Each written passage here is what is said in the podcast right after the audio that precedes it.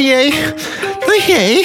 Wpadła do biura Anetka, nasza stażystka. Co się stało, pani Anetko? Zaniepokoił się mecenas Targowicki. Na straganach mówią, że Grzesiu Szczecina to ponoć wcale nie chce wygrać wyborów, bo mu wystarczy drugie miejsce, więc specjalnie takie listy ułożył, żeby przegrać. Czy to prawda, proszę pana? Mecenas prędko zmienił temat. Kazał mianowicie Anetce kawusi sobie zaparzyć. Co się będzie stary lis przed stażystką tłumaczyć? Bo to myśmy w naszej kancelarii układali Szczecinie te listy. Ludzie nie zdają sobie sprawy, zauważył wtedy redaktor zdrada. Jaka to jest niewdzięczna robota, jaki to jest znój. Jak damy Ryśka niżej, ironizował, to wyżej pójdzie Stefan. Ale wtedy obrazi się Marzena, więc w zamian musi dostać miejsce dla Krzyśka. No ale jakoś te listy udało się ułożyć. No i tak się jednocześnie złożyło, że Zadaniowska, która wiosną wygrała Szczecinie Łódź, została odsunięta. Zamiast niej będzie redaktor z Marzluch, znany z zawołania Panie Kurek, kończ ten set, czy jakoś tak. Bo jak ty byś, Grzesiu, Tłumaczył tymczasem Szczecinie mecenas Targowicki. jak ty byś ogólnie przegrał, a ona by w Łodzi wygrała, to mogłaby spróbować zrzucić cię ze stołka przewodniczącego.